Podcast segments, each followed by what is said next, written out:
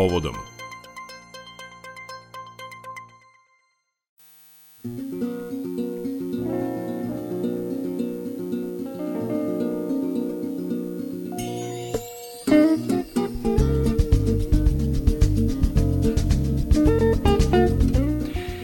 povodom realizacije projektnih aktivnosti, male škole pravilne ishrane i ispitivanja stanja ishranjenosti i rizika po zdravlje školske dece, deseta faza u prethodnoj godini, gošće povodom ili prepodnevnog programa Radio Novog Sada je koordinatorka projekta profesorka dr. Jelena Bjelanović sa Instituta za javno zdravlje Vojvodine. Doktorka, dobar dan i dobrodošli. Dobar dan, hvala što ste me pozvali. E, kada govorimo evo o samom projektu, moje prvo pitanje jeste sa kojim utiscima ste završili ovu desetu fazu ili desetu godinu e, ovog projekta, a šta je to što ste naučili? E, moram da kažem prvo da je to jedan jako zanimljiv. Znači, mala škola pravilne ishrane predstavlja jedan jako zanimljiv projekat, kao što kažete, traje već 10 godina u ciklusima. Od 2013. godine smo krenuli sa realizacijom uz uh, saradnju uh, Gradske uprave za zdravstvo grada Novog Sada, uh, gde u radu sa decom, krenuli smo dece prvog razreda, utvrđujemo i stanje uhranjenosti, odnosno kako su uhranjena deca i njihova znanja i navike vezane za pravilnu ishranu.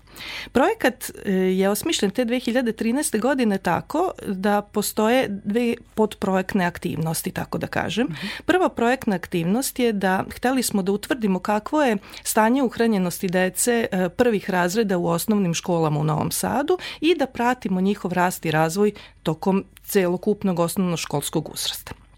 Da bismo mogli decu da merimo, e, trebalo je da dobijemo saglasnost, pismenu saglasnost roditelja za njihovo merenje, pošto deca nisu punoletna.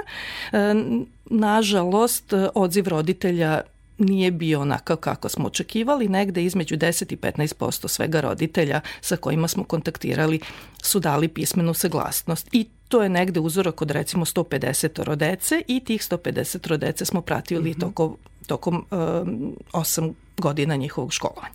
Uzorak smo skupljali tokom 2013. 14. i 15. godine. A druga pro, podprojektna aktivnost što sam malo pre spomenula je da smo anketirali prvake svake godine, jedno odeljenje prvih razreda u tri ili četiri novo izabrane škole, gde smo hteli da utvrdimo njihovo znanje o principima pravilne ishrane i njihove navike vezane za ishranu. Svoj deci koje su i svim školama koje su učestvovala u projektu projektu i što se tiče merenja i što se tiče anketiranja je, e, su podeljeni sportski rekviziti u vidu e, sportskih lopti, vijača i dodeljeno im je ovaj, sveže sezonsko voće u mhm. banane i mandarine i tu negde već vidimo poruku. Dakle, da bi trebalo da bude e, ishrana bazirana na voću, odnosno povrću i da je e, fizička aktivnost i tekako prihvatljiva u njihovom Jako značajno. Pošto kada sam malo pre rekla da e, merimo decu, da utvrdimo kakvo je njihovo stanje ishranjenosti, ono što treba da se zna da nije samo ishrana odgovorna da li je neko dete fiziološki uhranjeno, pothranjeno ili gojazno, nego je značajno jedino e, odnos unete hrane, količine kalorije, odnosno energije, u odnosu na potrošene kalorije fizičkom aktivnošću. Znači, ukoliko vi u toku dana unosite više kalorija nego što potrošite, u nekom dužem vremenskom periodu se očekuje da će porasti telesna masa. S druge strane, ako vi unosite malo kalorija, a veoma ste fizički aktivno, posle određenog vremena će se to odraditi i na telesnu masu. No dobro, kažete 10 godina ste pratili jednu određenu grupu od 150 e, đaka e, i, i kakvi su rezultati? E, moram da pre nego što mhm. kažem mm -hmm. rezultate, moram da kažem da je uzorak mali. Znači svakako se ne može smatrati nekom referentnom vrednošću za grad Novi Sad, jer uzorak od 150 dece ne može da dovede do nekog zaključka. Ono proste brojke koje vam mogu kazati je da je između 30 i 35 e, posto dece ima prekomernu telesnu masu ili gojazno i negde između 10 i 15 posto ima, e, je pothranjeno, ima umerenu ili izrazitu pothranjenost. Znači, znači otprilike negde oko 45% dece je fiziološki uhranjeno i ono što je u našem uzorku u tom malom uzorku primetno da je veći procenat izrazito gojazne dece u uzorku dečaka u odnosu na devojčice. E sad dobro. Kažete da nisu svi roditelji dali saglasnost u vezi sa tim, no e, kakva su merenja u pitanju? E, Da, zato mi je i bilo do, do, odlično postavljeno mm -hmm. pitanje, zato mi je bilo jako, ovaj, uh, ajde da kažem, zanimljivo, ali nikad nisam dobila odgovor roditelja zbog čega nisu dali saglasnost, s obzirom da se merenja podrazumevaju merenje telesne mase, tele, telesne visine, debljine kožnih nabora, odnosno potkožnog masnog tkiva na dve standardizovane tačke koje preporučuje Svetska zdravstvena organizacija i o, merenje krvnog pritiska. Znači, ništa nije invazivno, ništa nije neprijatno, ništa nije nije bolno, e, plus što se e, sva merenja sprovode na časovima fizičkog kad su deca već u, u opremi za fizičko, znači nema neke sramote ako je možda ovaj, veš neadekvatan ili nešto drugo, niti roditelji imaju, niti deca imaju dodatne neke angažmane ili obave, znači sve se obavljalo na času fizičkog, tako da e, jako mi je žao što uzorak nije veći, ali sve nešto računam Nadam se da ćemo od ove ili eventualno od sledeće godine krenuti u novi ciklus, pa ako roditelji slušaju uh, ovu mhm. emisiju sada volela bih da, da imaju više razumevanja jer je ovo je možda neki početak pravljanja nekih domaćih nacionalnih standarda, pošto mi ne imamo standarde rasta i razvoja za našu decu, nego koristimo preporuke Svetske zdravstvene organizacije. Da, i negde odmah e, se postavlja pitanje ili idemo na početak koji su vam i bili motivi o, za pokretanje ovog projekta. Prepostavljamo svi već da je reč o gojaznosti. Jeste. E, uopšte nepravilnoj uhranjenosti, ali i gojaznosti mhm. više prisutna nego podhranjenost e, moje radno mesto je na e, oceku za školsku higijenu sada u e, Centru za promociju zdravlja Instituta za javno zdravlje Vojvodine i e, ocek za školsku higijenu se ovim poslom bavi od neke 97. 98. godine. U tada smo počeli da merimo svu decu u osnovnim školama, tada nije bila zakonska obaveza da tražimo saglasnost roditelja, tako da smo u nekom desetogodišnjem periodu izmerili preko 18.000 dece. Za tih, 18, ovaj, za tih 10 godina iz taj veliki uzorak od 18.000 dece smo utvrdili otprilike da svako peto dete ima prekomernu telesnu masu ili je gojazno, otprilike oko 15% je bilo sa prekomernom telesnom masom i oko 5% gojaznih. Za razliku od ovog sada uzorka, a sad što ne znam šta može da znači, možda su roditelji ciljano dali saglasnost kod one dece gde su primetili da ima prekomernu uhranjenost, imamo veći procenat e, gojaznih u odnosu na predgojazne dečake koje sam malo pre spomenula, što je neočekivan rezultat, ali kažem, ne znamo šta je bio motiv roditelja da daju saglasnost, možda su oni primetili da postoji ovaj, neka nepravilna uhranjenost kod njihove dece, pa su hteli da se to da. i prati tokom da. tih osam godina. Ali evo negde i činjenica ta da kažete da je krajem 90. godina donet taj zakon da moraju roditelji da se saglase, mi se sećamo, bar smo generacija kada smo e, sve te preglede e, su bili obavezni Jesu. u školskim danima i visine i, rutinski. i, i rutinska, apsolutno se nije postavljalo pitanje i čini mi se da je bilo manje gojaznih. Kakve su naše, e, e, evo sad sledeće pitanje, da. jeste da je gojaznost e, najveći neprijatelj zdravlja dece, ali i odraslih. da li na gojaznost isključivo utiče ishrana? Vi ćete reći sad šta je to što bi trebalo, da li je ishrana ili kakve su evo navike naše dece? na, pokušat ću, na, nije, nije odgovor jedan na, na sva ta potpitanja koja ste postavili. Ovako, e, naučnik Dajic je utvrdio da postoje tri značajna kritična perioda za nastanak gojaznosti kod dece. Prvi je intrauterino, kada praktično beba nema, odnosno fetus nema uticaj na to, nego zavisi od navika majki.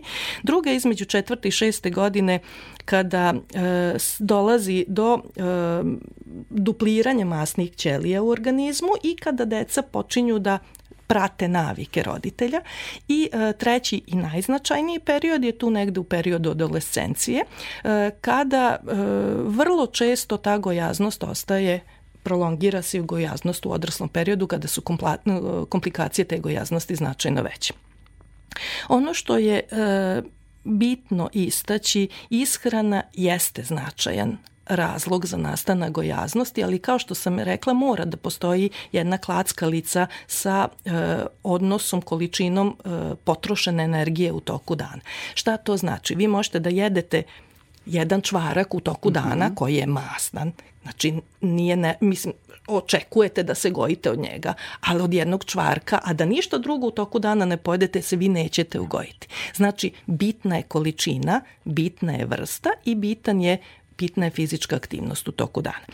Kada ste me pitali za navike dece, e, nažalost, to su prvaci. Znači mi anketiramo da, decu da, prvih da. razreda. Su vam Oni su mali, eh, ankete su napravljene specijalno eh, konstruisane za potrebe ovog istraživanja za taj uzrast, tako da su ankete u vidu fotografija i deca su zaokruživanjem fotografija praktično davali odgovor na svoje pitanje. Kada govorimo o njihovim navikama, ono što zabrinjava da otprilike oko 50% učenika, znači govorim to je plus minus 1 eh, do 2% ili iz godine u godinu imamo drugo decu koju anketiramo, ali recimo oko 50% dece ne pije mleko. E, mleko predstavlja značajnu namirnicu u dečijem uzrastu iz razloga e, što je e, bogato kalcijumom, što je bitno pogotovo kada su onom intenzivnom periodu rasta, kada rastu kosti, kada je potrebno kalcijuma da bi se e, formirale zdrave kosti u tom periodu, a i bitno je, jer do 25. godine života se vrši mineralizacija kostiju i praktično unošenjem dovoljnih količina kalcijuma mi radimo prevenciju osteoporoze u nekom kasnijem životnom periodu. A oko 50% dece ne pije mleko i kad ih ja pitam zašto, kaže ne volimo ukus.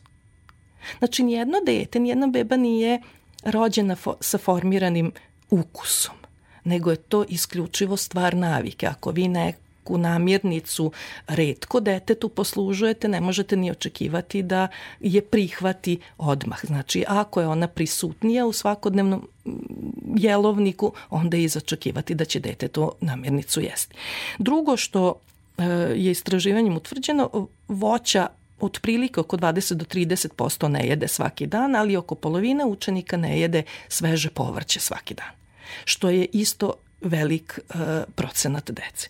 A opet sa druge strane, kada smo ih anketirali o namirnicama koje ne treba da budu dominantno prisutne u svakodnevnoj ishrani, znači grickalice, slatkiši, gazirani napici, ono što najviše zabrinjava da prvi razred, znači govorimo o deci od 7 godina, e, između 25 i 30% učenika kaže da svaki dan popije minimum jedno gazirano piće dnevno.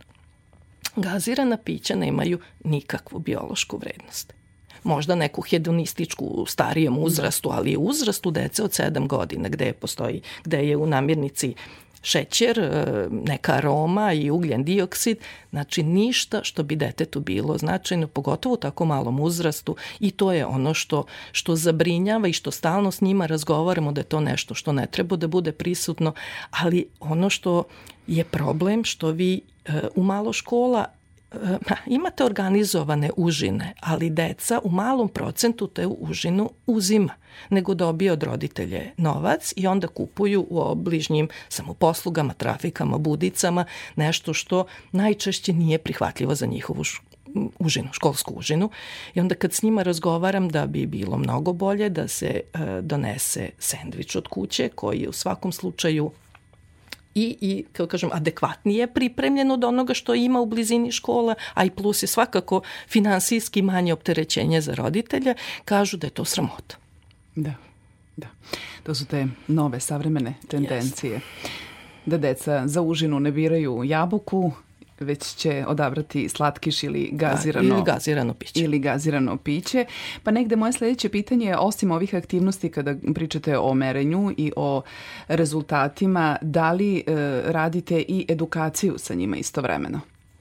E, zavisi iz godine mm -hmm. u mhm. godinu kako je bila korona, onda nismo imali direktan kontakt sa decom, pa nismo radili, pre toga jesmo, pre nego što smo ih anketirali, ne pre nego posle, nego što prvo smo ih anketirali, da. pa smo onda držali e, predavanja o značaju pravilne ishrane. Na početku projekta je e, bilo e, uključene i predavanja za roditelje e, da. i Koliko za... su roditelji uključeni u, u, u celu? Sada, nažalost, nisu. Mm -hmm. Taj deo projekta više ne funkcioniše. Funkcionisalo je ranije, ali odziv nije bio velik. Međutim, oni roditelji koji su dolazili su bili izrazito zainteresovani i hteli su koliko god mogu da promene neke ili da utiču na promenu navika kod dece, ali kažem, to sad u poslednje vreme nije zaživalo, tako da roditelji za sad nisu uključeni. Dobar, koji, da li koji bi bila poruka u ovom trenutku? Koji su to e, principi pravilne ishrane?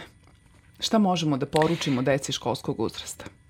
Postoji sedam grupa namirnica koje treba da budu uključene u svakodnevnoj ishrani. To se zove piramide ishrane. U bazi piramide ishrane su žitarice i krompir, najčešće može da spadne u tu grupu pošto je, ovaj, ima dosta skroba. I e, ta grupa namirnica treba da bude prisutna u našem jelovniku oko 50% od svega što u toku dana unesemo.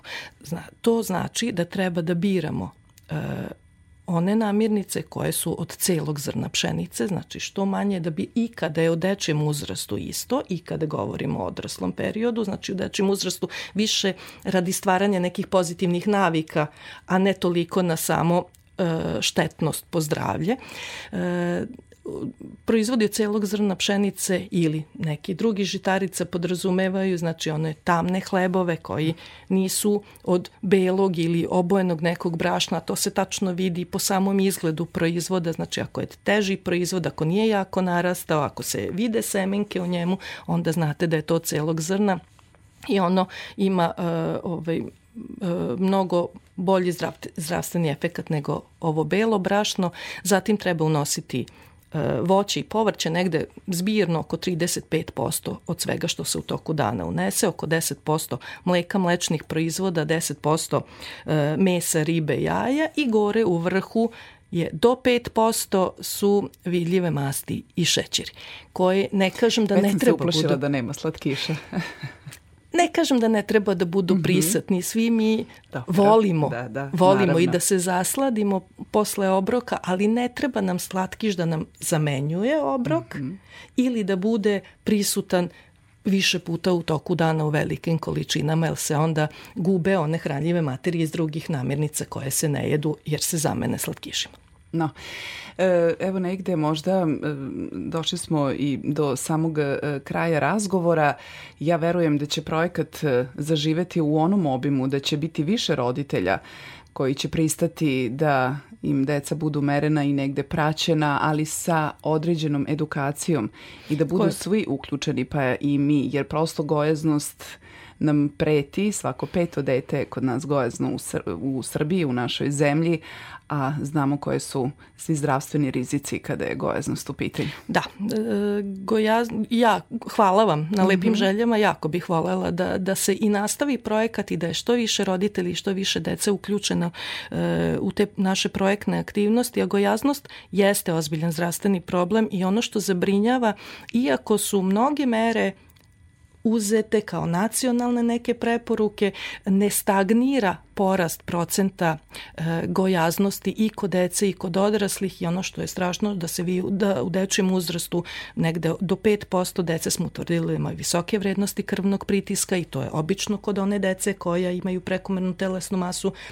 češće da su gojazni. Da Nauka kaže da postoje ateromski plakovi već kod uzrasta 7-8 godina, što je bilo neočekivano za tako mlade, mladu decu, nego su te aterosklerotske promene prisutne bile u kasnim životnim godinama. Znači, e, navike u ishrani jesu dominantan razlog, a sa druge strane smo sve manje fizički aktivni i sve više okrenuti na kola e, i ovaj, liftove, da one stepenice koje su nisu ovaj električne i tako dalje. Tako da e, jeste značajan problem, ali mislim da svi moramo da radimo na tome i da je to jedan globalni a u našoj zemlji nacionalni problem koje se mora rešavati od gore. Znači, ne, ne bi trebalo da u samoj školi ili u samoj blizini škole da budu prisutna mesta koja predstavljaju, omogućavaju neadekvatan izbor hrane ili da u školama bude onakva ishrana koja preporučuje Svetska zdravstvena organizacija. Nekad je tu u našim školama bilo, da. znači nekih tamo krajem 80. godina u svim osnovnim školama na teritoriji grada u saradnji sa e, velikim fabrikama koje su tad postale mlekare, Danubiusa, Neoplante, su sva deca u e, gradskoj opštini dobijale školski dopunski obrok po preporukama Svetske zdravstvene organizacije i zdravstveno bezbedan što se tiče samog pakovanja, a i u skladu sa preporukama što se tiče hranljivih i zaštitnih materija. Volela bih da da se to jednog da se dana vrati. kantine ponovo vrati. Jeste. I naše, da, ta, takve užine kakve god da su, ali e, bile su ispravnije. Pa, e, jedan podatak koji mm -hmm. se možda i ne zna, znači taj školski dopunski obrok je zaživeo u Oslu 1929. godine, jer se tada utvrdilo da ukoliko dete, uno, dete unosi određenu količinu neke hrane, e, što podrazumeva recimo e, oko pola litre mleka, negde oko 40 grama mle, ovaj, sira ili nekog adekvatne zamene, e, krekera ili nekog e, hleba od tamnog brašna i neko voće ili povrće, da su performanse na času značajno veće ne, u našoj zemlji velikoj, tada Jugoslaviji je, oko 60. godine je 12.000 e, kantina bilo u našim školama i negde oko 2 miliona dece je bilo obuhvaćeno školskim dopunskim obrakom. Nažalost, to je vremenom počelo da opada.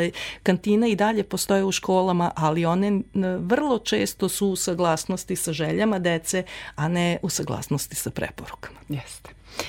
Imate još jednu informaciju da podelite jeste, sa nama? Jeste, htela bih da spomenem jedan e, programski zadatak koji smo tokom 2022. godine radili, a taj programski zadatak se zove unapređenje zdravstvene pismenosti populacije znanjem do zdravih izbora, mm -hmm. koji predstavlja um, jedan programski zadatak u okviru posebnog programa iz oblasti javnog zdravlja AP Vojvodine za 22. godinu koji je sprovodio naš institut e, pod ovaj, pokroviteljstvom pokrajinskog sekretarijata za zdravstvo e, autonomne pokrajine Vojvodine i u saradnji svim, sa svim e, zavodima za javno zdravlje na teritoriji Vojvodine i svim domovima zdravlja. U okviru ovih programskih zadataka Pripremili smo sedam e, prezentacija za čekaonice razvojnih savjetovališta u svim domovima zdravlja na teritoriji autodomne pokrajine Vojvodine, e, gde smo e, obuhvatili teme kao što su razvojne karakteristike dece uzrasta 1 do 3 godine, roditeljska podrška razvoju dece sa teškoćama i smetnjama u razvoju, pravovremeno otkrivanje stimulacija, razvojne karakteristike dece uzrasta 4 do 6 godina, razvojne karakteristike dece uzrasta 7 do 10 godina, ishrana i fizička aktivnost dece uzrasta 6 do 10 godina, godina, podrška roditeljima dece u predškolskom periodu i podrška roditeljima dece u ranoškolskom periodu. I um, odštampali su sedam štampanih zdravstveno-vaspitnih sredstava u ukupnom tiražu od skoro 11.000 primeraka na e, temu e, pet vrsta blok bojanki sa listovima za ocepljivanje i kopiranje na temu pravilne ishrane – plakat označuju čuvanje e, unosu i korišćenju e, vode za piće i edukativne kartice sa slikama 25 e, prsta voća i 25 pet vrsta e, povrća. I ono samo što bih za kraj htela da napomenem, na sajtu našeg e, Instituta za javno zdravlje Vojvodine postoje e, primerci, e, elektronski primerci e, svih edukativnih sredstava koje smo napravili, koje su dostupna svima i bili bismo stvarno ovaj, više nek zadovoljni da ih koristite besplatno naravno. Naravno. Hvala vam u svakom slučaju na gostovanju u prepodnevnom programu i e, želimo vam svakako da ovaj projekat i dalje nastavi da živi u većem obimu. Hvala vam mnogo na pozivu i hvala vam što se bavite ovakvim temama koje su veoma značajne. Hvala. Bila je gošća povodom doktorka Jelena Bjelanović sa Instituta za javno zdravlje Vojvodine.